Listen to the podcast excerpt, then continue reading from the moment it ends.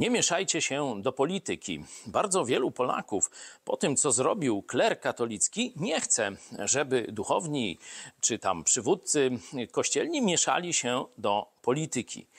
Kler katolicki kradł, rozkradał Polskę i jeszcze tym bandytom, którzy rządzili z PiSu i tam jakiejś Polski Solidarnej, czy już nie pamiętam jakiej, ich całkowicie wspomagał i legitymował przed narodem.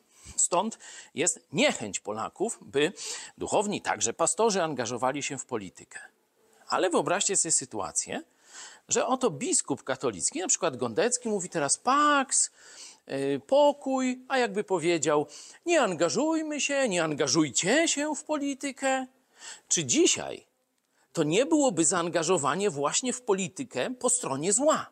Bo do triumfu zła wystarczy bierność ludzi dobrych.